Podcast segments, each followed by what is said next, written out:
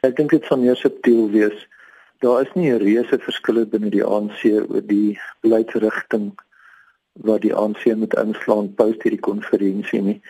En ons het die dokumente reeds gesien en die dokumente is deel van die openbare debat en ons het 'n goeie idee dat meeste van die dokumente grootliks aanvaar sal word soos wat hulle in konsepvorm bestaan. As dit wel so gebeur dat daar by die beleidskonferensie soveel verdeeldheid ontstaan dat die beleidsdokumente, die konsepdokumente nie aanvaar kan word nie, dan is die ANC in baie meer moeilikheid as wat daar tans um, in die openbare mening gedink word dit die geval is.